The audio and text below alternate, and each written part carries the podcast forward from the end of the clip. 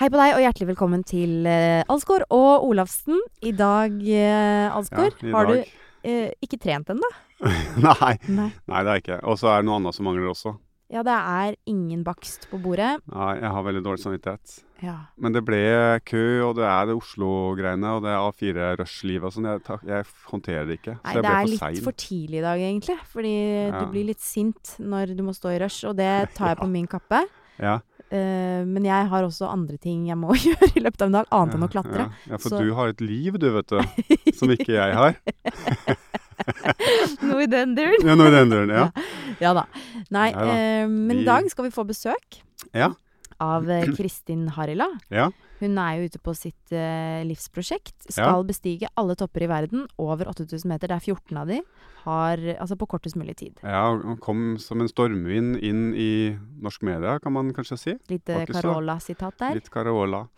Men det er jo et uh, spennende prosjekt. Ja. Det må jeg si. Mm. Absolutt. Det blir spennende å høre hva hun driver med egentlig. Ja, altså det er jo Jeg kan ikke så mye om eh, Tinder-bestigning, eh, men jeg Nei, jeg kan Jeg har ikke vært på så mange Tinder, men jeg hadde jo også en drøm, som mange andre, om eh, Mount Everest, fordi eh, jeg har lest så mye og sett alle dokumentarer og sånn, og så har jeg sett liksom hva slags folk som blir dratt opp der. Og så har jeg tenkt sånn, er, er det, Hvor vanskelig er det egentlig? mm. Og så da, da så jeg alt av dokumentarer, slukte alt, og så fikk jeg egentlig litt mer og mer i vrangstrupen. da. At Ja. kommersialismen overtok. og det, Så tenkte jeg på et tidspunkt det her er, dette er ikke, kommer ikke til å gi meg den tilfredsstillelsen jeg tror. da. Nei. Så det er litt sånn rart, da. Men, Men, det eh, jeg er nysgjerrig på, egentlig, er jo det der at hun har jo på en måte forlatt eh, sitt A4-liv, eh, som hun da sikkert ikke var så fornøyd med. Hun har lyst eh, på barn. Hun er 36 nå.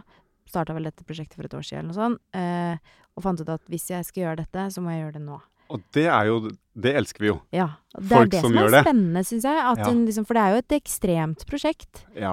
Eh, det, det er er det. ekstremt. Uansett hvordan du vrir og vender Jeg på er det. jo gæren. Og jeg har jo sjøl vært i Himalaya, så jeg, jeg har jo kjent på den hvordan mektigheten, energien og, og folket og det å være der nede. Jeg, jeg kjenner Jeg forstår veldig godt. Og jeg forstår den avhengigheten også. Ah, ja. At når du først eh, har begynt, så eh, er det noe helt spesielt med å være i fjellene. Men for min del så er det sånn, hvis jeg ikke får kjørt altså sånn, å, å gå et Altså, jeg hadde aldri gjort det av liksom pikkpakkeriet rundt. Altså, det er jo en ekstrem underdrivelse, da, for det er ekstremt med utstyr som de må Det er mye greier å fikse. ja. Der er du og jeg er veldig forskjellige. Ja. Hvis du skal på et fjell, så er eneste hensikten med det 100% er fordi du kan kjøre på skiene. Ja. Og hvis jeg skal ned fra et fjell, så er eneste grunn til at jeg må ned fra fjellet, er fordi det var så gøy å gå opp.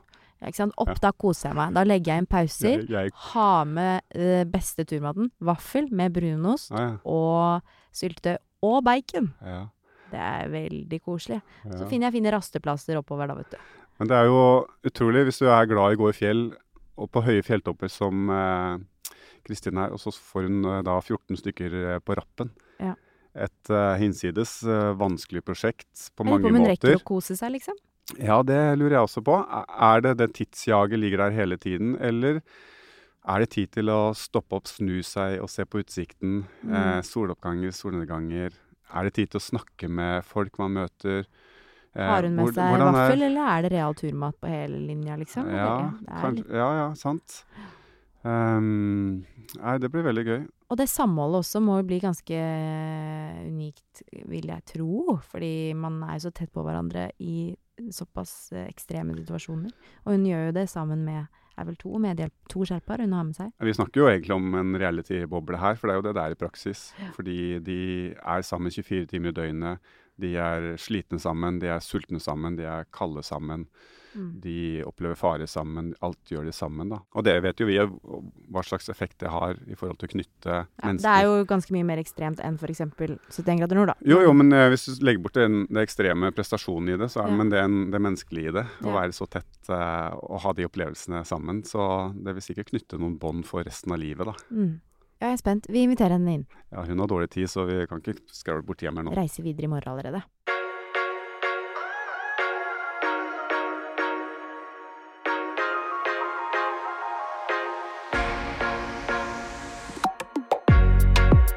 Hjertelig velkommen til deg, Kristin. Tusen takk. Kristin Harila. Du er jo da midt i, skal vi kalle det et slags livsprosjekt? Ja. Du skal bestige alle 14 topper. Ja. Eh, Over og over 8000. 8000 meter Mm. på veldig kort tid. Ja. Fem måneder Jeg håper ja, under seks. under seks. Eh, men rekorden er jo på seks måneder og seks dager, så det er det vi må ta ned. Ikke sant. Ja. Hva er det som på en måte begrenser det da? Akkurat sånn som vi ligger an nå, så er det visumet Ja. til eh, Det to fjell som ligger inne i Tibet. Så du, sitter du nå og venter på at, å få gjennom visumen, og så kan du dra, eller? Eh, jeg reiser faktisk i morgen allerede Ja. til Nepal. Ja. Så det er ett fjell av de tre som er igjen, som ligger inne i Nepal. Ja. Og så er det ett som ligger på grensa, som man i prinsippet kan klatre fra begge sider, altså både Kina og, og Nepal. Ja. Men det har aldri vært besteget fra Nepal. Og så er det Shishipangma som ligger inne i Tibet. ja. Ja. Og der må du ha Så det, vi må ha tillatelsen både til å klatre fjellet og til å få visum til Kina. Ja. Ja. Men det har aldri vært klatra fra Tibet. Men vurderer du det? Altså hvis vi har Vi er ferdig med Manaslus i 20.-25. september, Ja. og vi ikke har fått tillatelsen, så må vi prøve Choyu fra Nepal. ja. mm. Ja. Men du som er erfaren, er, hva tenker du om at det, man må ha tillatelse hele tiden? Hvem er det som skal eie fjell? Du som er alpinist. ja. Ja, Altså, det burde på en måte vært fritt og Ja, åpent, og alle måtte få bruke seg fjellet så lenge man ikke forsøpler, tenker jeg, i Ja. utgangspunktet. Mm. Men uh, så er det veldig strengt i Kina. Mens i Nepal så er det veldig enkelt å ordne både visum til å komme inn i Nepal og tillatelse til å klatre fjellene. Og en del av den tillatelsen som er f.eks. på Evres, som mange kjenner, så er det jo en, en permit, en pris man betaler. Ja. Og inni den prisen så er det også en del sum som går til fiksingteamet. Mm. Mm. Som kjøper tau og isgruer og fikser tauene. ja. Og på Everest er det som i folk, så er det jo da et fiksingteam som går opp og ned og opp og ned gjennom det her isfallet som er ganske farlig, for å passe på at tauene er trygge. Ja. Sånn at det er tilrettelagt for oss vestlige klatrere som kommer dit til fiksa tau. Ja, men det, det tenker jeg er greit, at noen har det eierskapet at du må betale, for det handler om å, å sørge for en økonomi og, og at det skal være levevilkår i de områdene. Ja. Men at du, du skal få lov å klatre, men du får ikke lov. Ja. Det tenker jeg er sånn, nei, Ja, det må jeg vel få lov til. Men jeg skal betale det det koster, eller det som er fornuftig, ja. sant. Ja. Ja.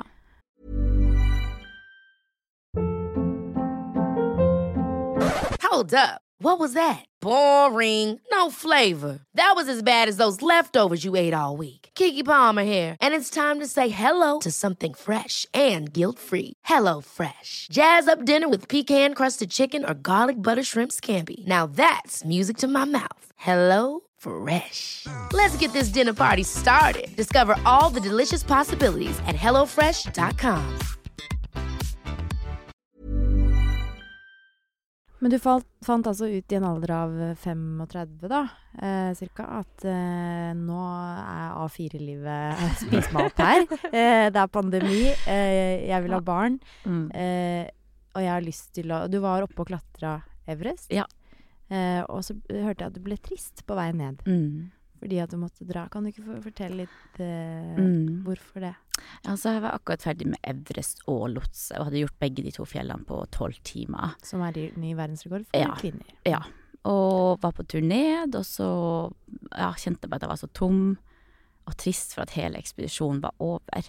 Mm. Og liksom, hva, hva nå, liksom, etter en sånn uh, En sånn ekspedisjon, og alt man har gjort alt for å nå den toppen, da. Ja, hva var det som var trist? Var det det at du ikke hadde det Ja. foran deg å, å jage etter, eller det drive etter? Eller Ja. var det den magien som er i området, naturopplevelsen, folket? Ja, sikkert en del av begge deler. For at før jeg begynte med det her prosjektet, så bare elska jeg det å være på ekspedisjon og være på tur og bare nøyt utsikta og bare kose meg på tur. Og jeg likte å sove i telt, liksom, og basecamp-livet og, og de tingene. Uh, Nå tenker jeg litt annerledes, fordi det er et helt annet prosjekt. Ja. Um, så nei, så jeg var veldig sånn tom og trist, og visste liksom ok, snart så skal vi forlate gruppa, og man er liksom ja, dem man har vært sammen med så nært i så lang tid, skal alle spres over hele verden, og vi skal ikke være sammen mer, og Ja. ja, alle de der tingene også. Det er jo litt som reality-TV på mange måter. Man blir sikkert veldig sammensveisa på veldig kort tid. Ja. Man gjør det. Ja. Sånn at man deler telt, og etter hvert så tømmer man tisseflaskene til hverandre. Vi bæsjer på pose i lag i teltene. Ikke i lag, men Det er ikke noe glamping. Det er ikke noe glamping her, Nei. Og så er man jo på en måte eh, ja, utsatt for en risiko som også gjør at man, man kommer nært hverandre. Mm. Det skjer jo noe med grupper eh, som er sammen når man er over tid som du er, 24 timer i døgnet, og så er man sulten sammen, fryser sammen, redd sammen, Mm. gjør alt sammen. Da, så Ja. knyttes det noen bånd som, er- som ikke er mulig å få til i, ellers i hverdagen. Da. Og så har vi kanskje en flaske cola spart i sekken, og så er vi kjempesliten, og så bare deler vi den, og bare åh, så deilig, liksom. Det er ikke sånn du, du det sier ikke Det her er mitt prosjekt, det er jeg som har betalt dette her. Den colaen, den er min. Den skal Nei. Nei, så ja, så kom jeg ned til Camp 2 og traff mange av de lagkameratene mine som jeg nesten ikke hadde sett siden vi forlot Camp 2 mange dager i forveien fordi at det var så dårlig vær. Mm. Og de var glad og feira og var fornøyd med å nå toppen og ja, jeg var fortsatt bare trist, og så ringte jeg hjem til pappa og sa at jeg skal på K2 neste sommer. Mm. Og han sa nei, det skal du ikke. Mm. Jeg bare jo, det, det skal jeg.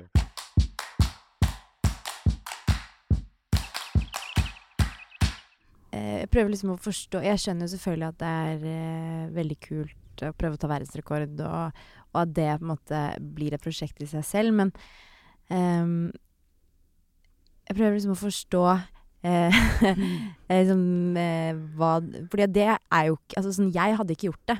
Bare fordi Altså, jeg har ikke så lyst på den verdensrekorden, hvis du skjønner. Det må være noe mer også, tenker jeg. Ja. Ja, så det, det er en del av det som er, er utfordringa. Utfordringa er på en måte stor nok til at jeg blir motivert til å, å gjøre det. Og sånn har Mm. det kanskje alltid vært eh, i livet mitt, at jeg har valgt ting som er på en måte så vanskelig at det nesten er uoppnåelig, og at jeg virkelig må legge i en ordentlig innsats for å, for å nå det. For jeg tror hvis det er lett, liksom, så tror jeg ikke jeg hadde blitt motivert nok til å gjøre det. Ja. Og jeg visste jo at, eh, at et sånt her prosjekt ville være ekstremt krevende på mange, mange områder. Kan du ikke fortelle litt om på hvilke områder? Fordi det er sånn, Mm. eh, Fra et toppidrettsperspektiv, da, og det er jo ikke noe sånn negativt, på en måte, men eh, ett års forberedelser høres jo ikke enormt mye ut sånn egentlig. Nei. Nei og, og, og på mange måter skulle jeg ønske at jeg hadde mer tid. Men da jeg tok avgjørelsen i fjor sommer, så følte jeg veldig på det at jeg satt der og er 35 år og ikke barn, og tenkte at jeg har lyst på barn en gang. Og jeg hadde tenkt også at jeg har lyst til å gjøre de her 8000 meterne. Mm. Og jeg tenkte, åh, hvis jeg skal gjøre det, så må jeg gjøre det nå. Og det er jo mange mødre som er Ikke mange, men det er i hvert fall en del mødre som er ute og klatrer på de fjellene nå. Og all respekt til dem, men for min del så tror ikke jeg at jeg hadde hatt lyst til å reise vekk i to måneder og ta den risikoen og Nei, søsteren var jo på Choyo, Ja. eller var med en jentegruppe på vei opp der. Men så ble det jo litt utfordrende vær, og ting begynte å bli litt spisse seg litt. Og så jeg har jeg ikke snakka så mye med henne om så jeg er ikke helt detaljer. Men så får jeg inntrykk av at de valgte å snu, og da er det jo at man plut de plutselig begynte å tenke og diskutere at de hadde barn hjemme som var avhengig av dem. Ja. Så det var jo da Mm. en begrensning som jo man selvfølgelig forstår, da. Mm. Men det er jo det du snakker om da, at ikke havne i den situasjonen hvor Ja, det blir et mm, tema. et tema. Ja. Ja, Og så har jeg levd så langt voksent liv uten barn og tenkt at Eller jeg tror for min egen del at hvis jeg er så heldig at jeg får barn en dag, så, så kommer jeg til å ville være hjemme. så eh, ja, så det var egentlig ja, sånn det, sånn det begynte. Og så hadde jeg i lang tid følt at den her eh, sporten både det som skjer i basecamp, og det som skjer når vi klatrer, og i den prosessen med å få sponsorer og kontakten med utstyrsleverandører og i bransjen, at det var veldig langt unna likestilt. Mm. Og det følte jeg at åh, jeg har lyst til å gjøre noe med det, og tenkte da at det beste er jo å vise, ikke bare si at nei, vi er like sterke som For jeg hadde en opplevelse av det på Everest når vi var fem av fem damer i min gruppe som nådde toppen, og så var det seks av 14 menn. Mm. ja. Og jeg spurte han guiden min liksom hva han tenkte om det, og hvorfor det var sånn. Og så sa han nei, han visste ikke, men han hadde det samme greia i fjor. Uh, og så, i hvert fall i min gruppe, så var det sånn De her uh, damene som kom, var veldig, veldig godt forberedt. Både Mm. fysisk og mentalt. Mens mannfolkene var litt sånn Jeg kan gjøre det her. Men jeg har jo levd et langt tid med idretten og 20 års erfaring med høydetrening og mye forskning og testing rundt det. Da. Og da er jo min opplevelse at egentlig kvinner har vel så gode forutsetninger for menn for å takle høyde, da. For Mm. det er jo veldig genetisk. Ja, veldig. Ja. Så Så sånn sett så, så har jo kvinner en fordel. Ja, det, det tror jeg. Og så er det noen som ikke har det, og den Ja, det, det er Du har ikke det. Nei, Har du altså, testa det, eller har du, har du Nei, gjort måling men- på det, eller er det bare sånn du Ja, kjenner det er en sånn opplevelse, da. Så jeg Ja. så bare på Kilimanjaro, jeg var der i 2015, så går det stort sett greit for alle. øh, og på toppstøtte så mister jeg synet og spyr og ja, har så vondt i hodet og har et par runder med det, men jeg kommer meg opp, da. Ja.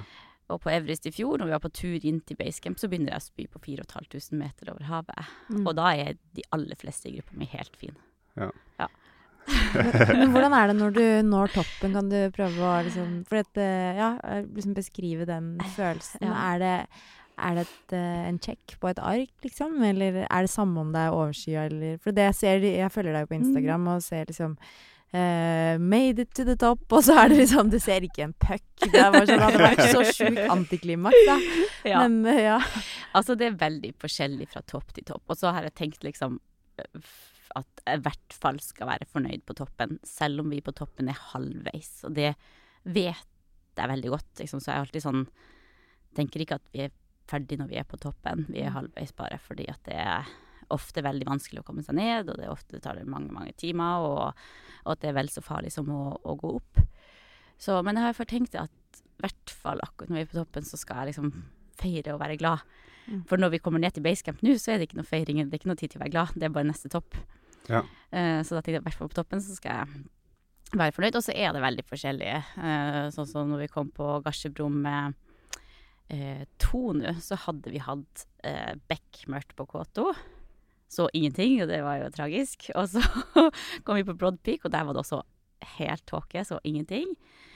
Så da var det veldig sånn der, åh, så deilig å få utsikt og fint vær og liksom kunne se og ja, da så vi bort til K2 og Broad Peak, og vi så Gasjebrum igjen som vi skulle ta noen dager etterpå. Ja. ja, for det må jo være noe mer drive enn bare å, å gjennomføre det og sette det som kalles verdensrekord, og så Mm. gjøre noe annet seinere. For det må jo være en drivkraft i noe mer, tenker jeg. For det, det med toppidrett òg. Det er jo Ja, VM-OL-gull er jo et uttalt mål, men det er jo en Mm. kommersiell greie. Mm. Det er jo ikke det det handla om for meg. Det var jo hverdagen, da. Ja. Den friheten og privilegium å få Ja. gjøre det jeg elska mest i hele verden hver eneste dag. Og alle Mm. naturopplevelsene det ga meg, da, fordi det Mm. yrket er jo i skogen. Ja. Så det må jo være noe ja. Det må jo være viktig, det òg. Ja, og det, det er det, eh, helt klart. Og jeg tror også i sånn her prosjekt så, så må det være mange ting som, som driver deg til å gjennomføre det. Fordi Mm. at det, det, du kommer til å møte på så mye motstand, og du kommer til å ha det så ubehagelig. Og her er det jo ikke som å løpe en ti kilometer, og så har du, eller en halvmaraton, eller en maraton, Mm. der du har det ubehagelig i noen timer. Her er det jo at vi kanskje har det ubehagelig i, i noen døgn. Mm. Um, sånn som på den siste toppen, så er vi nede i basecamp etter 40, over 40 timer. Mm. Mm. Og da må du det må, det må være mye som driver deg til Du eh, må, så, ikke sant, så du må jo like den type smerte. Sånn som jeg likte Mm. Jeg elska jo å kjenne på melkesyren, ligge og ha Mm. kontroll på den. mm, Som, men det er, en, det er en kort periode, men det er det, ikke sant. Ja, Men du må også like den smerten. Du må, du du, må det. ja. Du må det, og du må være komfortabel med å ha det veldig ukomfortabelt. Ja. Hvordan tenker du da? Nei, det er litt sånn litt forskjellig fra situasjon til situasjon, men ofte når det begynner å bli veldig krevende, så kan du ikke tenke på noen ting annet enn neste steg. Mm. Og det syns jeg er en sånn deilig følelse. Mm. når det virkelig blir krevende. Du kan ikke tenke på regninger eller sosiale medier eller ting du skulle ha gjort Mm. eller burde ha gjort, eller Da må du bare være der. Ja, uten sammenligning for øvrig, da, men jeg var med i 'Mesternes mester', og da dager var det. eh, var det mye sånne statiske øvelser. Og da hadde jeg fått tips da, f eh, Mm. eh, på forhånd av at jeg liksom bare telle til fem. For du klarer alltid eh, Eller telle til ti. Mm. Du klarer alltid det. Ja. Eh, og hvis du ikke klarer det, så klarer du i hvert fall fem. Og til slutt så klarer du i hvert fall ett. Ja. Ikke sant? Eh, når man, fordi det er jo så vondt at du liksom Du kjenner bare smerten. Så Mm. liksom, for ikke å bli liksom konsumert av Ja. den smerten, så må man liksom ha noe å fokusere på. Så det er det Mm. neste, Ja. neste skrittet. Men det er jo helt ekstremt å gjøre i 40 timer. Det er jo helt sånn Ja, men det er en annen form. Det er ikke den Ja. intense, Nei stikkende smerten, sant. Så det er jo hva man trives med. Noen Ja. elsker jo ultraløp, for eksempel. Mm. Syns det er eh, fascinerende å kjenne på den smerten i 48 timer i strekk. Mens Mm.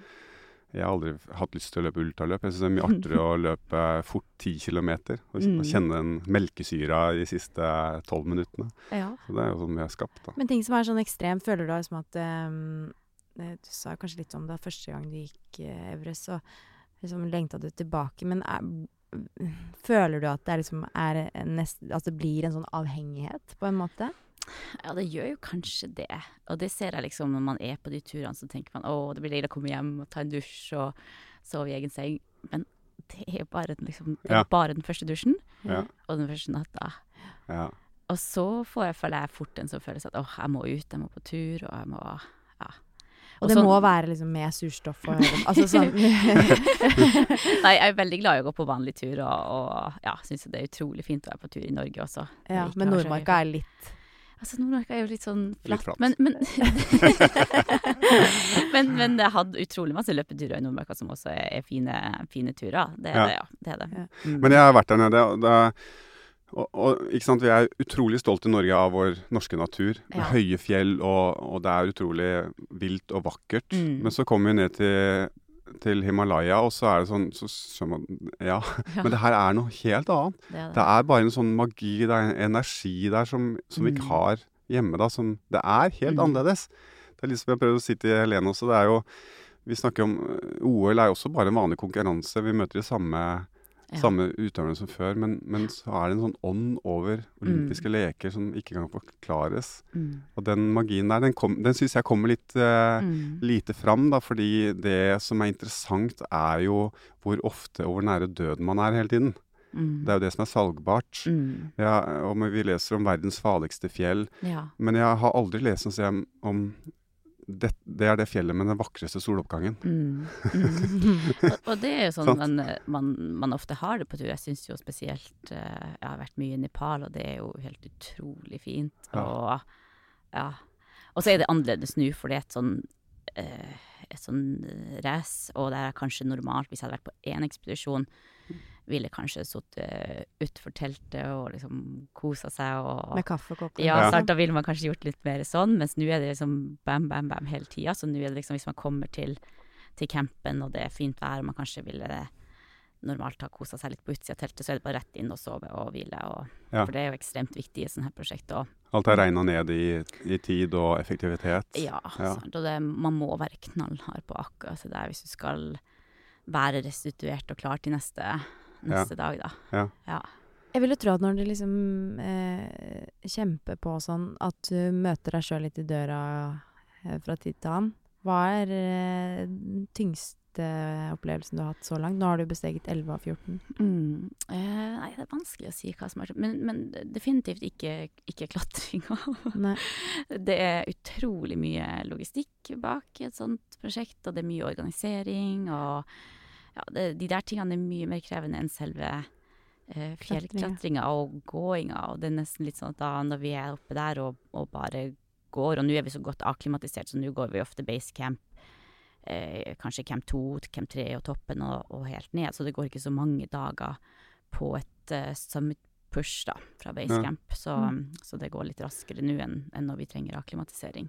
Hvilke sånne beregninger har du gjort på en måte i forhold For det er mange stiler i alpinisme, og det er mange meninger, ikke minst. Ja. Og så er det sånn og ting har jo blitt gjort før. altså Det er 40 år siden de første gikk eh, alle toppene over noen Mm. år, da. Men og så har man gått uten oksygen eh, med hjelp, eh, uten oksygen og uten hjelp, og, uten, og med oksygen uten hjelp. Og det er mange. Og så kommer Mm. Gøran Kropp, som han skal modellere. Så Han sykler fra Stockholm og ned og går opp, og, Ja. og så sykler hjem igjen. Og så det er jo hva er liksom Hvorfor Mm. valgte du din stil? Jeg tenker i hvert fall først og fremst at uh, folk må få klatre på den måten de vil. Absolutt. Og det er veldig mye diskusjon, og noen som mener at det er feil, og det er feil. Og, og det tenker jeg at så lenge ikke noen er til skade for andre eller naturen, så, så liksom la folk Det er jo mye diskusjon, sånn som på Evre, som er blitt så eh, så for vanlige folk som har telt hjemme som de kommer ferdig akklimatisert.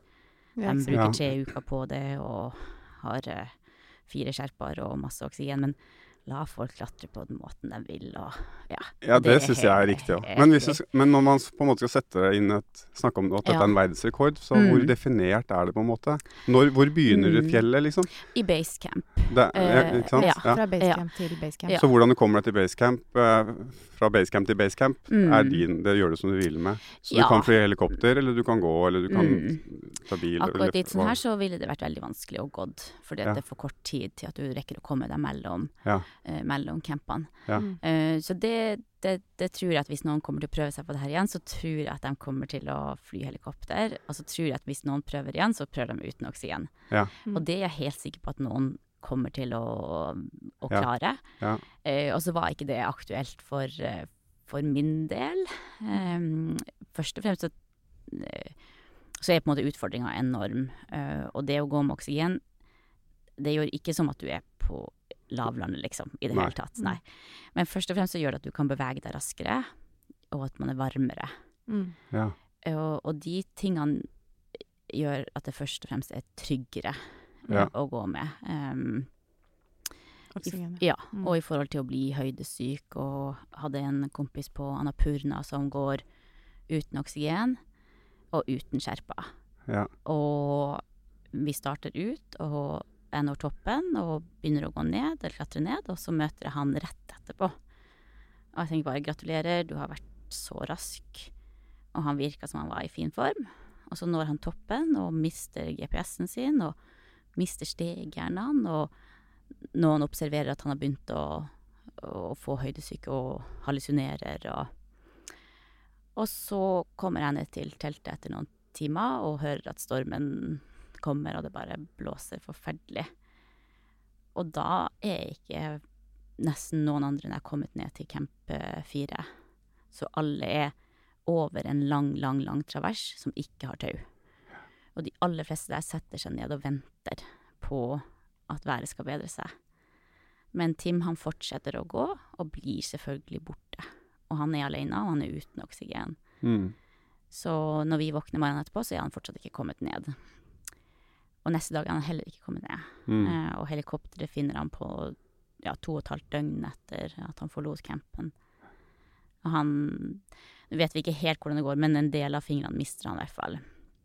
Eh, og han har vært veldig åpen om, om litt av de feilene som, som han gjorde og det er klart, det å gå uten oksygen og det å gå uten skjerper er veldig, veldig mye farligere Mm. enn å gå som et team og ha, ha oksygen der. Mm. Helt klart. Så det, det er kanskje de største forskjellene. Du vil anbefale det? Ja, det vil jeg. Og så kommer Ja. jeg helt sikkert til å prøve noe uten oksygen. Eh, det gjør jeg sikkert. Og kanskje prøver allerede på Manaslu, for nå er vi veldig godt akklimatisert. Ja. Ja. Så vi går rett opp nå. Og em, putter på oksygen en plass mellom 7000 og 7005. Eh, og bruker eh, under to flasker bruker jeg på hele turen opp og, og ned, da. Ja. Så nå bruker vi veldig lite og går på veldig lav eh, flow. Så Ja, for det, er, det er fint at du sier det, for eh, jeg en Jeg har kjørt snowboard, og jeg er fra en del av snowboard som eh, ikke liksom er så veldig akseptert i liksom core snowboarding, da. Ja. Eh, men det at liksom andre skal få lov å definere sporten min for Ja. meg, eh, det er jævlig irriterende. Mm. Ja, ja. Så man må jo få lov å definere selv Mm. liksom, hva som er sporten sin. Ja, det syns jeg også. Og det er jo riktig som du sier, du må, du må gjøre din stil, Mm. eller gjøre det på din måte. Og det, Ja, og vi skal Det bør det være Hvorfor skal vi aksept være for. liksom, drive og kritisere folk fordi at de vil gjøre noe på den måten eller den Ja, ja. måten? Altså, så lenge ikke man, man er til skade for noen andre, så la folk få leve livene sine og gjøre det som de vil. Og jeg Ja, tenker ja. at det er bra at folk kommer seg ut i Ja, det er bra at det kommer masse folk på Evre som, som kanskje normalt ikke ville ha oppsøkt en 8000 meter, men så har de Mm. den muligheten å gjøre det på tre uker, for de har et telt hjemme som de akklimatiserer seg Jeg også, ja, både òg, da. fordi at ja. nå kan jo gud og hvermann kan jo kjøpe seg en pakke, Ja, og, ja, og så ja. bli løfta og satt på toppen og ta et bilde og hjem igjen, og så er du en folkehelt. Så det er jo litt både òg, da. Ja. Uten å på noen som helst slags måte forringe din eh, prestasjon. Men det er jo, det er jo blitt en kommersialisme i det der som, er, som går over alle serverskaft. da, Og det kan jo være litt sånn sikkert litt sånn i veien å ødelegge nå, da. For deg og dere som Mm. har et seriøst og Ja. ordentlig forhold til det, da. Mm. Og så ser jeg altså Jeg, jeg drømte også om det, så jeg slukte liksom alt av dokumentarer og bøker, og så så jeg på en måte at det bare utvikling gikk hele tiden mot det skulle være råere og råere, farligere og farligere, og at du Mm. skulle overgå hverandre, da. Mm. Og at prestasjonen i det i dag handler om hvor ofte og hvor nære død man er, istedenfor Mm. å på en måte fokusere på hva, hva som kreves fysisk og mentalt da, for å Mm. gjennomføre det. Men det er sånn, det vi leser om er tatt av skred eller årsbredd fra døden, Mm. verdens farligste fjell. Mm. Og når du nå gjennomfører det her og forhåpentligvis klarer å nå dine mål, skal lage film om det, skal skrive bok om det, Mm. så skal jo det være inspirerende for andre Mm. til å kunne nå sine drømmer. Og hva er det vi formidler da? Er det hvor farlig det var, og hvor nær døden var? Eller var det Mm. hvor fantastisk det var? hva skal man velge, liksom? Ja, altså, jeg har jo veldig liten opplevelse, eller for min del så har jeg ikke hatt mange der jeg har vært sånn at åh, nå har jeg følt at det var døden nær. Og ikke har jeg opplevd eh, veldig mange av fjellene som veldig farlige heller. Vi hadde et par episoder. Og kanskje har det vært bedre enn vi har, vi har trodd. Men så, så for min del, som K2, som er liksom omtalt som det farligste fjellet og, og det vanskeligste, så, så må jeg bare si at jeg hadde ingen opplevelse av det i det hele tatt. Og K2 var for min del kanskje det enkleste fjellet i Pakistan. Mm. Og litt også fordi at det er blitt så kommersielt der. Eh, Ja. Og noen ting av det at det er blitt veldig kommersielt der, gjør det litt farligere for uh, oss som klatrer fjell. Fordi at det kommer masse folk dit som ikke klatrer på fjell. Ja. Eh, og da blir det mye mer steinsprang. Ja. Ja. Steinsprang. Ja. Hva er det? Så si at vi er i camp 1, Ja. og så er det noen som beveger seg i camp 3. Ja. Og så sparker de litt i stein, ja. og så detter den utfor kanten. Og når den da faller et par tusen meter ned, så kommer den som en uh, Meteor. Ja, Ja. gjennom lufta. Og når du blir truffet av dem, så, så får man enten veldig, veldig vondt og blir veldig skada, eller så, så dør man av det. Så- Ehm, så det er en farlig greie. Når, du, når dere kommer, dere er jo tre Ja. som med ditt prosjekt, får du noen slags forkjørsrett da i forhold til eh, kommersielle pakketuristene, hvis man skal få kalle dem det? Eh, nei, vi gjør Nei. ikke det. Det, det Du gjør må vi stelle ikke. deg i køen, på en måte. Og, Ja, det, Ja. det gjør vi. Ja. Ja. Så vi er, vi er som alle andre, da. Og, ja. men vi er jo på mange fjell der det er nesten bare oss. Der vi har en helt annen, helt annen stil. Eh, sånn som Garsebromen, så går vi uten tau. Ja. Og det er noe helt, helt annet enn å gå på fiksa tau, og du bare skyver jumelen foran deg og drar deg opp. ja. kontra å gå uten, og vi må gå med isøksa inn i, inn i veggen og ja. Ja. Helt annet ting, selvfølgelig.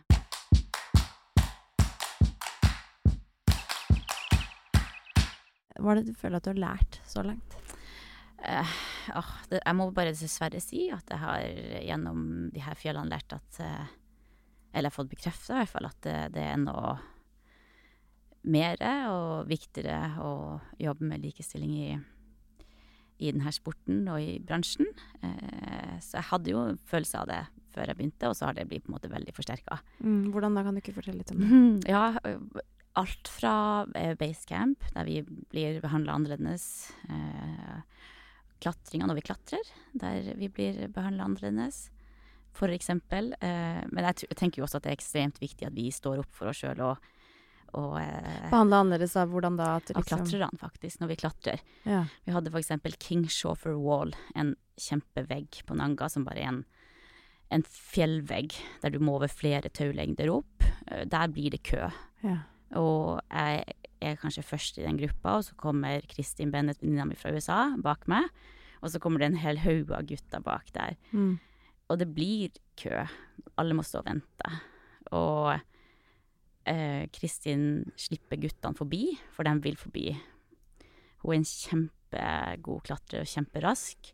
De klatrer ikke noe fortere enn hun, men hun slipper dem forbi. Eh, og så prøver de seg på meg at de vil gå forbi. Jeg bare Vent på tur, altså. Mm. Eh, fordi at det blir sånn Det tar tid der, fordi alle må klatre en teknisk parti, og alle må vente. Og når jeg da kommer til eh, camp 2, så er jeg jo der lenge, lenge før Kristin, fordi at hun har sluppet dem eh, forbi. Og så kommer hun opp, og så er hun litt lei seg fordi at hun kommer så lenge etter, og føler at hun er dårligere, og så sier hun at det er ikke det det dreier seg om. Her slipper du dem forbi, og du må si nei. Mm. Og du kan ikke bare si kanskje, liksom. Du må si ordentlig nei. Mm. Og så kom vi til eh, K2, Og the bottleneck, en travers, eh, og der er det vanskelig å passere. Og ja, et farlig, farlig parti, og man vil gjerne være rask der. Så jeg var ja, et stykke foran henne, og så er det en fyr da som prøver å passere henne og klippe rundt henne. Og så snur hun seg til han og roper No! og han torde jo selvfølgelig ikke gå forbi, da. Ja. Men det er også det at vi må liksom ja, stå Mm. opp for oss sjøl i fjellet og liksom ja, Mm. si Men- ifra. Og, men du opplever at det er fordi Altså, det, fordi du er kvinne, eller vil, vil de mennene vil de forbi alle uansett, liksom? De vil bare Det er den sterkeste strett, da. Ja, jeg vet ikke. Det er vanskelig å si. De tror de er de, Eh. tror de, er de sterkeste uansett. Om det er to menn foran de, så vil de fortsatt forbi. Eh, Hva var første retten? vi jeg, jeg vet ikke, det er vanskelig å si om, Ja. om de ville gjort det hvis det var menn, om de ville da prøvd å gå forbi. Mm, ja, Det- ja. Det har ikke ja. du noe erfaring med, på en måte. Det er vanskelig, vanskelig for deg. Ja. Det er mange, mange sånne små opplevelser som, eh, som har gjort at jeg tenkte at det er enda viktigere. Jeg kan kjenne at det er en utfordring for meg i sånne settinger, å gå i kø. Og jeg, Øh. jeg vil forbi, men eh, Ja. det handler ikke om hvem det er, Det, egentlig. Jeg skal nei. bare forbi. eh, Hvis, hvis jeg tar igjen noen, skal jeg forbi. Ja. Jeg kjenner på sjøl, jeg, i trafikken og Nei. Trafikken, og det er jo galt. Ja. Nei, ja. Jeg har lært av Thomas at vi skal være rause med hverandre. Ja. Ja. ja, det er viktig, det. Men har du noe sånn um, Har du med deg noe uh, sånn, din lille ting på tur? Eller er det liksom strictly alt det du trenger? strippa ned, liksom, Alt til det minste. Så du har ikke noe eh, lykketruse, liksom?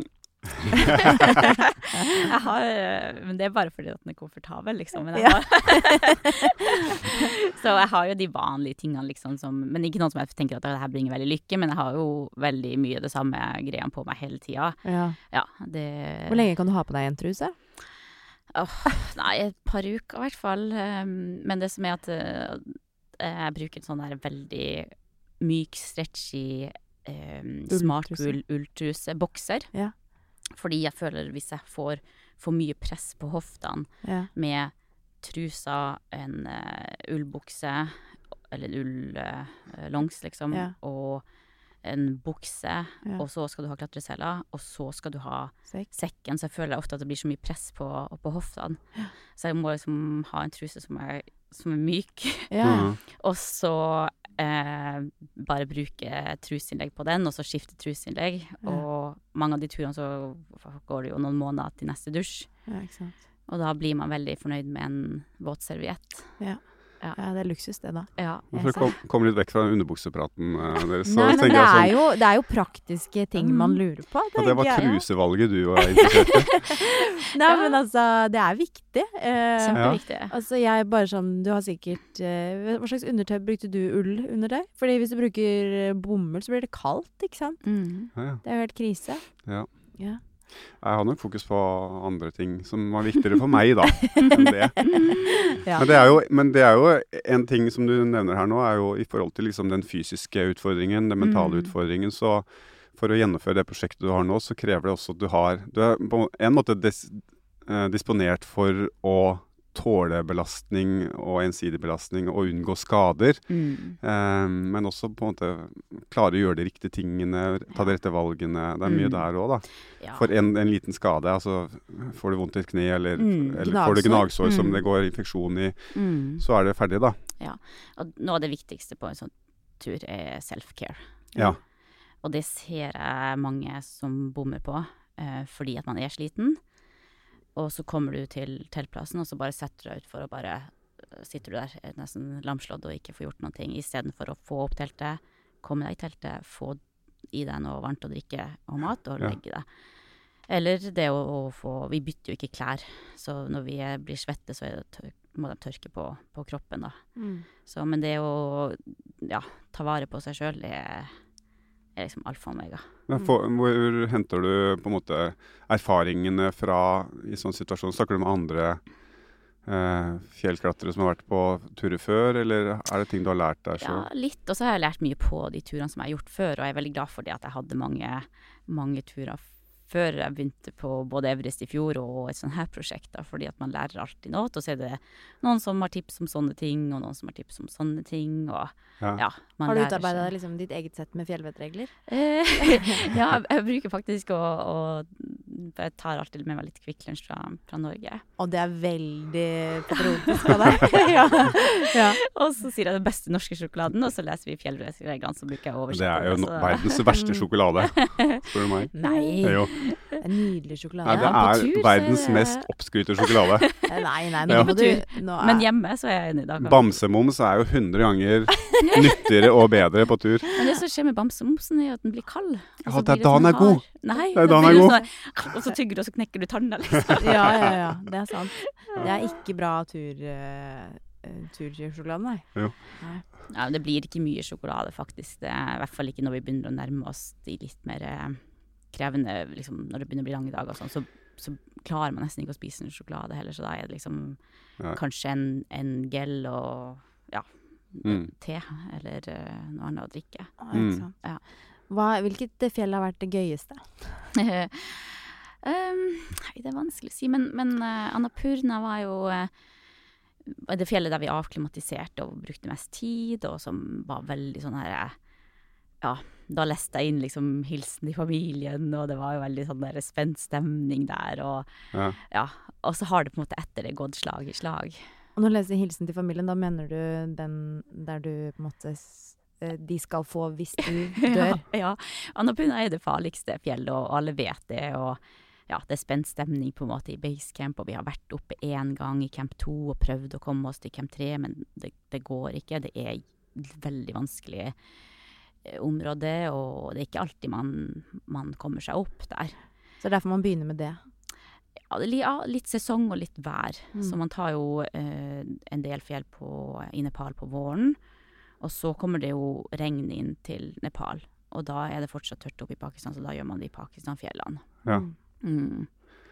Men altså med, det er ikke så mange som har på en måte prøvd heller da, å gjøre alle sånn som du gjør. Det er jo ganske nytt. Ja. For det er jo Nå har jeg sett eh, mange lister, ja, og det er jo igjen kontroversene rundt Mm. hele den sporten du driver med. Da, hvis du Mm. kaller det en sport og en idrett. Er jo, på noen lister er det 50 stykker som har tatt alle åtte, og så er det noen lister hvor det er bare tre som har fått det godkjent. ja. For at toppen Mm. er ikke der du tror den er. Den, det var mm. sånn, og masse sånn her, da. ja.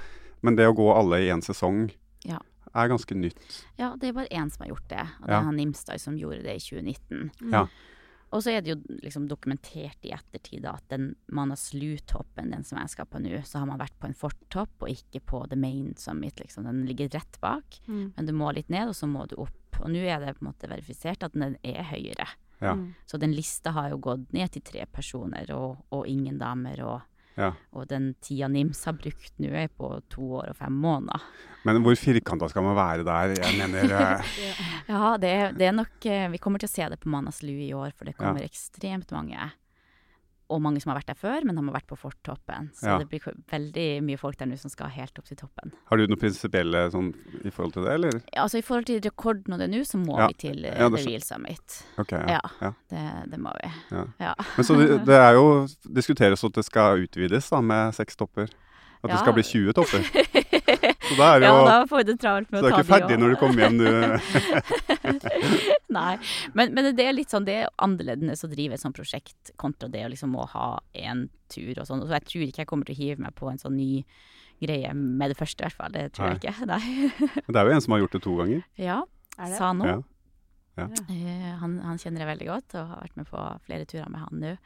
Men akkurat Ja. nå frister ikke det, eller? Jeg er ikke helt der at jeg tenker altså, Det kommer helt sikkert til å gjøre noen høye fjell og noen prosjekter der, men akkurat den rekordgreia, det, det spiser litt av den uh, Mm. uh, turgleden. Ja. Eh, så jeg tenker at for min del så har jeg lyst til å liksom prøve noe annet enn, enn å gjøre noe på kortest mulig tid, liksom, eh, etterpå. Ja. Ja. Kanskje på lengst mulig tid. Ja. Det hadde vært litt gøy, da. Eh, ja, Men da det er jo det, er det som er interessant med deg, For at du kan nesten bare finne på noe nytt, så er det jo Mm. historisk igjen. Da. Og det var det jeg så når jeg Mm. leste i bøkene, at det var jo det første med sånn, og første derfra, og først og Mm. alt er, alle er på en måte historisk. Du lager bare dine egne Historie, ja. forutsetninger, da. Så Mm. du kan jo fortsette å sette verdensrekorder. Ja, ja. Og så har det vært, har det vært litt sånn her bølger i den her sporten, der man så liksom at kanskje på eh, 80-tallet så var det veldig sånn da skulle alle ut og ta first uh, ascent. Og så var det ok, så skulle alle ut på vinter Ja. Mm. og ta første vinterbestigninga. Ja. Eh, og så nå de siste årene så har det vært siden. veldig på rekord, kortest tid. Ja. Mm. Ja. Så det, det går litt i sånn i, i Ja, så skal faser. du på. Nordsiden, og så skal du på det. Ikke sant? Ja. Det er Ja. litt sånn, Mm. Men det er jo litt sånn Dette er jo Man må Eller sånn Det er jo Man må finne sitt prosjekt, tenker jeg. Mm. Eh, og det er jo Det har jo du gjort. Ja. Og det er det som er spennende, liksom, å høre hva som For det er jo mange som eh, sitter i jobben sin og tenker at eh, fader, jeg skulle gjort noe. Mm. Det er jo det jeg syns er kult med deg, og med deg. At Ja. du har på en måte tatt et valg. Mm. Du har en drøm, og du har noe du brenner for, og det, og det gjør du. Mm. Og det er der det stopper for de fleste, da. Jo, ja. Og så forstår jeg det, for det er jo en kjemperisiko å ta og gjøre sånn som jeg gjorde. Og Mm.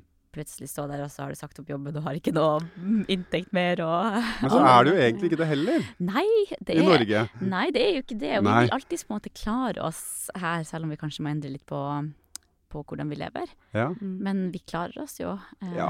ja. Men jeg, jeg vet ikke om det er lov å spørre om, men hvor mye koster det på en måte å ta alle ja, disse toppene? Det, det er helt lov å spørre om. En plass mellom fem og seks millioner. Ja, Så det er ekstremt eh, kostbart. ja. Det er jo veldig stor andel av det er jo da fi, da, Mm. for å få lov å gå på toppen, sant? Ja. Det er det. Og så er det, så det er den permiten, den tillatelsen. Mm. Og så er det oksygen. Og så er det sherpaer og bonus til dem. Mm. eh, Og så er det helikopter. eh, Og så er det basecamp service. Eh, ja, Flyturer, alt. Flyturer. Ja. Får mye bonuspoeng, da. og Ja. Men du, får spørre en ting nå. For Ja. nå er det, dere er tre stykker, du har med to Ja. sherpaer. Mm. Eh, og dere, har gått, dere går jo alle 14 sammen. Mm. Hva er sjansen for da at når dere kommer til siste fjellet, så er det en av sherpaene som bare kjenner seg super mm. Har en god dag og tenker at vet du hva, nå stikker jeg. Og så er han på toppen fem minutter før deg.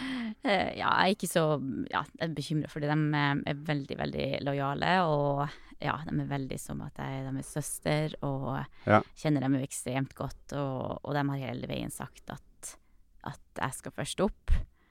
Um, og så har jeg vært sånn, men jeg vil jo at vi skal gjøre det i lag, for dette er Ja. et, eh, et felles prosjekt.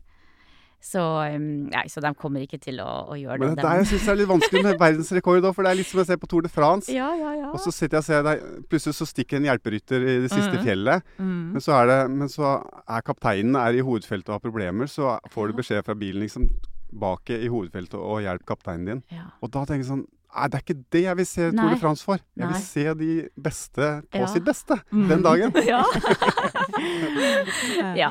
Og så er det jo litt annerledes uh, her. Altså, vi, vi, Ja. vi springer jo ikke heller opp, liksom. Det er jo ja, det er sånn vi går, uh, Ja. går de siste meterne. Ja. Og, Så prosjektet er dere tre, og det er dere tre Ja. sammen som gjør dette her. ja. og det har jeg jo ja, tenkt at det hadde vært veldig fint. Og vi, vi begynte egentlig ikke med, med det. Det kom etter det tredje fjellet, så hadde vi vært eh, Han eldste av de to som jeg har, han hadde vært med en annen klatrer på Annapurna.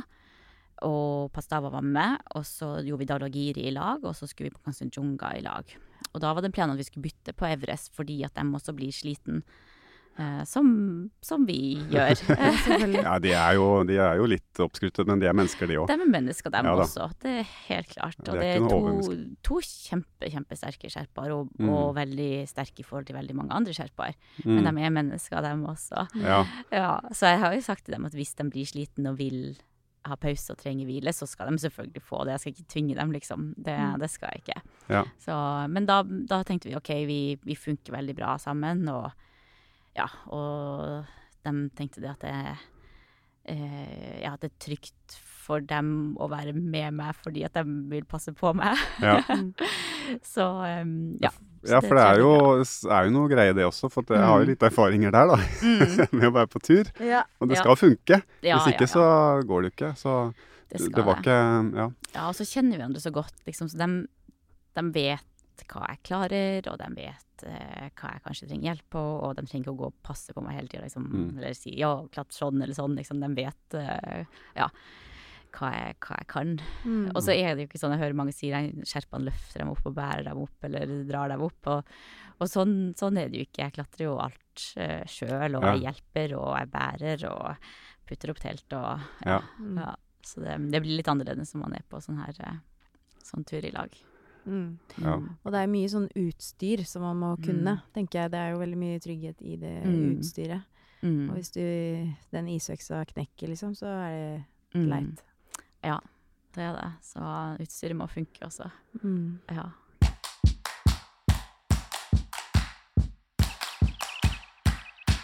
Er du sliten?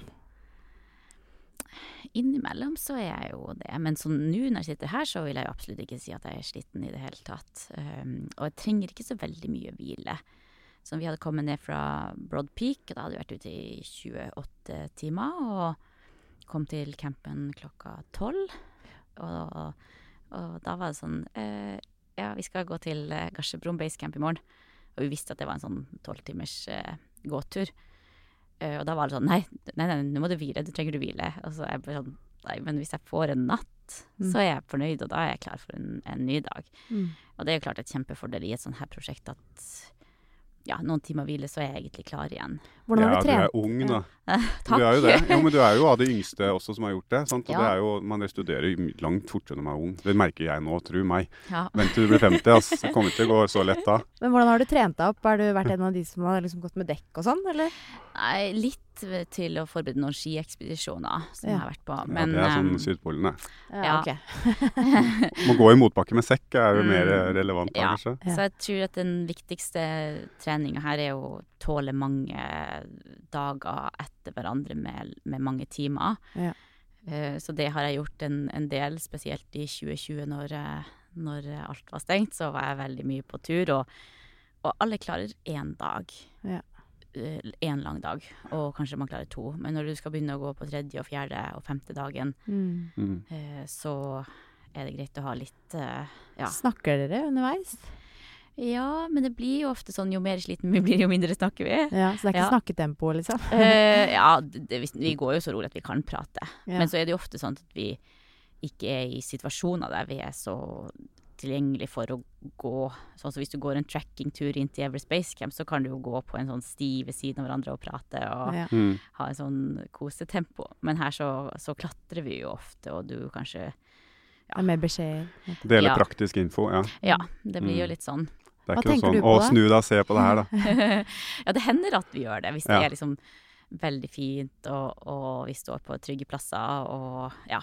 Ja, for sånn er jeg når jeg går tur. Bare se her, da. Bare Ja. se her, da. Og derfor alle kommer opp. Ja! Ja. Da må vi ta bilder, liksom. Ja. Ja. Det er, ja.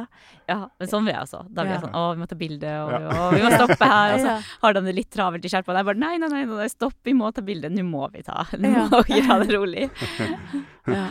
Nei, for det er jo eh, ja, Men hva tenker du på da? Er det liksom eh, Ja, stien, Ja, eller på, ja? eh, blir man liksom Et steg man på livet? Ja, det er litt forskjellig i, i forhold til hvor krevende det er, Det og hvor sliten man er. Mm. For når det er virkelig krevende, så kan man ikke tenke. Mm. Men eh, ellers når det går, så er det liksom ofte at man tenker på på mat, eller ting man Mm. skal gjøre, eller ja, Mm. sånn type ting. Og, men det er klart, hvis det er fint og sånn, så kan jeg liksom gå og se ut og nyte naturen også. Mm. Ja.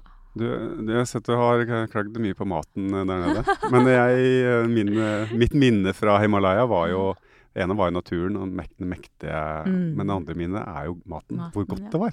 Ja. Så jeg var heldig, jeg, da. Nei, men det er, det er mye god mat. Men så er det litt sånn sanitære forholdene. Ja, det var ikke er ikke alltid eh, like bra. Og så er det av og til bedre faktisk når vi kommer opp fra basecamp, fordi du får renere sne å koke, mens f.eks. i basecamp så koker du brevaren, som kanskje ikke er så rent. Mm. Um, og sånn som for eksempel på Everest, der det er så utrolig mye folk, på Kåto, der det er så utrolig mye folk, så henter vi vann fra breen. Og det er klart, når det er mye folk, så er det også uh, søppel, og det er også avføring og uh, døde folk. Mm. Ja, så, så liksom de forholdene der er ikke alltid ikke alltid så, så gode. Mm. Uh, Så å bli sjuk er uunngåelig. ja, i hvert fall for min del. Jeg får alltid noen runder med matforgiftning. Ja, gjør du det når du Ja. er s- Syden nå, liksom? Ja, det ja, det er så lenge siden jeg har vært i Syden. Jeg har bare vært på tur de siste årene. Jeg kan ikke huske sist liksom jeg var på sånn der eh, vanlig ferie. Så det har bare vært tur, ja. Men har du tenkt noe på eh, hva du skal gjøre etterpå? Eller er, går tidsregninga til uh, siste fjellet? Uh, Nei, vet du, jeg har mer og mer liksom begynt å tenke, og det er sikkert fordi det nærmer seg slutten. Og så har jeg jo tenkt det at jeg skal ha et litt mer normalt liv, og forhåpentligvis få barn, og liksom ha ja, litt mer enn hver dag. Um, Men uh, så ja, har jeg tenkt mer og mer på at jeg kanskje har lyst til å, å gjøre et fjellprosjekt neste år. Ja. Tror du at du faktisk kommer til å slå deg ned og trives med et normalt liv? Nei, gjør ikke det. Litt usikker om, om det går liksom eh, å skli rett inn i en sånn A4. Det, det gjør det sikkert ikke. Så um, ja. Hvilke prosjekter er det? da? Så jeg har tenkt på eh, å prøve noe uten oksygen. Eh, og så har jeg tenkt liksom Everest har jeg gjort allerede to ganger, så hvis jeg skal gjøre det på nytt, så må jeg gjøre noe annet der. Mm. Så da tenkte jeg Everest, Lotse og Nuptse, som ligger rett ved siden av. Alt det her ligger som en Det, det kalles the triple crown. Ja. Eh, du har eh, isfallet på Everest, Kumbu Icefall, og så kommer du opp, og så har du da Everest, Lotse og Nuptse. Mm. Eh, og Nuptse er veldig vanskelig fjell, og et mye mer teknisk fjell, og i år kom de seg ikke opp, og ja, det er en ikke-folk eh, der, så det blir en helt annen greie. Ja. Mm. Så tenkte jeg at da skulle jeg kanskje prøve de tre. Mm. så får vi se hvordan det går uten oksygen. Aner jeg ikke. Mm. Kanskje jeg prøver på Manaslu uten nå, Mm. hvis jeg føler meg bra. Hvis jeg ikke føler meg bra, så skal ikke jeg risikere prosjektet på, på å prøve uten oksygen. Det Mm. orker jeg ikke. Nei. Og så tenkte jeg da så løper jeg Everest maraton ut fra Everest Base Camp til eh, Namche den 29. mai. Ja. Ja, og så tenkte jeg at jeg skulle begynne å løpe sånn Sky Race og ultramaraton og du, gjøre mer sånn trailrunning med konkurranser, da. Ja, for det drev du med litt før, gjorde du Ja. ikke det? Mm. Så jeg er veldig glad i å løpe, og jeg tenker det er en sånn Mm. En enklere kombinasjon med å ha litt mer normalt liv enn det at når du skal på et fjell, så må du ofte ut på en ekspedisjon som tar to måneder. Ja. Uh, så å gjøre de her løpene og ja, sikkert konkurrere litt nede i Europa og sånn, så tenker jeg at det er litt lettere å, å gjøre med litt mer normalt liv. Ja, for du har ganske bra base i bånn. Det tror jeg er greit å vite for folk eh, når du skal inn i et sånt her prosjekt, eller om du bare skal på én topp også. Men Ja. som tidligere skiløper og Mm. ultraløper, Mm. så har du veldig sånn grunnlag, en Ja. god base. Ja, det er klart det er kjempeviktig. Mm. Det er. Hvis du skal tåle den belastninga og tåle det uten å bli skada Mm. og Mm. ja, så mange dager etter hverandre, så, så må man ha litt grunnlag. Ja, så det er ikke liksom ett år med forberedelse. Det er jo litt viktig å si, egentlig. Ja, sånn, sånn fysisk så er det nok mye, mye lengre, og ja, Mm. jeg er glad for at jeg ikke hoppa fra 5000 til 8000, at jeg hadde en god del fjell imellom der, og også i fjor etter Everest og Lotse så tenkte jeg at jeg må prøve noe som er litt mer teknisk før jeg skal ut på de her Noen av de 8000 meterne er jo mye mer teknisk enn Everest. Mm. Så tenkte jeg da må jeg ut og prøve det, og da for jeg og tok Amada Blam, som er et veldig et mye mer teknisk fjell. Mm. Mm, Det er jo, også, det er jo kåra vel ganske Ja. offentlig til verdens vakreste fjell. det er utrolig Og det er jo sånn Det skjønner man med, ved første øyekast. Ja. Så skjønner du at dette er verdens vakreste fjell. Mm. og så ser, kommer man gående så på Kumbi der og ser det, og så tenker man Ja. hvordan er det mulig å klatre opp det fjellet? Ja. Ja. Har dere tid til noe annet når dere er på tur? Eller er det liksom eh, basecamp og basecamp? Ja, eh, det blir jo av og til litt sånn ventetid i basecamp, og så har man ikke dekning. Har man dekning, da, så er det jo Da går jo tida til Ja. ja. Har du med kortstokk, liksom? Eller? Eh, ja, vi har med kortstokk, og så strikker jeg. Ja. Så jeg har med strikketøy. ja. Eh, og så ja, hører man på podkaster og på musikk, og bruker mye av tida bare til å slappe av. Ja. Ja. Noen er veldig ivrig på å, å trene på en måte i basecamp og liksom ikke ha de hviledagene i basecamp. Mens jeg, for min del så er jeg sånn ekstremt god å hvile. Det er bare å hvile mest mulig og ja, ja være Spis- klar. spise Spise og hvile. ja. Ja. Mm. Så det er det tida går til, da. Det blir kanskje en strikkekolleksjon da, i kjølvannet. Ja, vi får se. Jeg er nok litt overivrig på å tro hva jeg skal rekke å strikke, så når jeg drar, så har jeg med meg litt for mye strikketøy. da. Det høres veldig praktisk ut å bære på det strikketøyet. Ja, det er mye sånne småting, sånne babyklær og sånn, da. Ja, ok, Mm. så du har for, du forbereder. Nei, det går så sakte. Den, Ja, men det er også ja. en rekord, vet du. Første som strikker på Mount På Everest. toppen, ja. For at jeg har en jeg kjenner, han var først som spilte Saksofon. saksofon Ja. på Mount Everest. Så det er jo mulighet for å sette verdensrekord. Ja. Vi har satt verdensrekorder i sånne idiotiske, tullete Ja, jeg har 100 meter rumpegange, jeg. Ja. Det, Nå er det ikke å strikke på. Mount Everest. Det er nok Thomas har hakket verdensrekorden i å poppe champagneflasker på ett minutt. Ja. Ja. Flest champagneflasker på ett minutt. Ja. Ja da. Men det er li ganske mye mer imponerende enn det du går for, Kristin. Og nå er det altså tre fjell igjen. Mm. Masse, masse lykke til. Tusen takk. Tusen takk for at du kom. Nyt uh, den reisen og kos deg. Jeg tar bilde av en solnedgang, da. Ja, det Ja. skal jeg gjøre. Så skal jeg nyte de siste. Ja. Ja.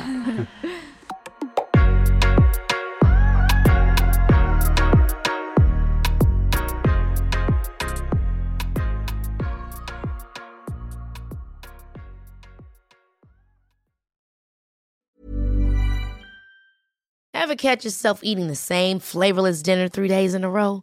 Dreaming of something better? Well, HelloFresh is your guilt free dream come true, baby. It's me, Gigi Palmer. Let's wake up those taste buds with hot, juicy pecan crusted chicken or garlic butter shrimp scampi. Mm. Hello Fresh. Stop dreaming of all the delicious possibilities and dig in at HelloFresh.com. Let's get this dinner party started.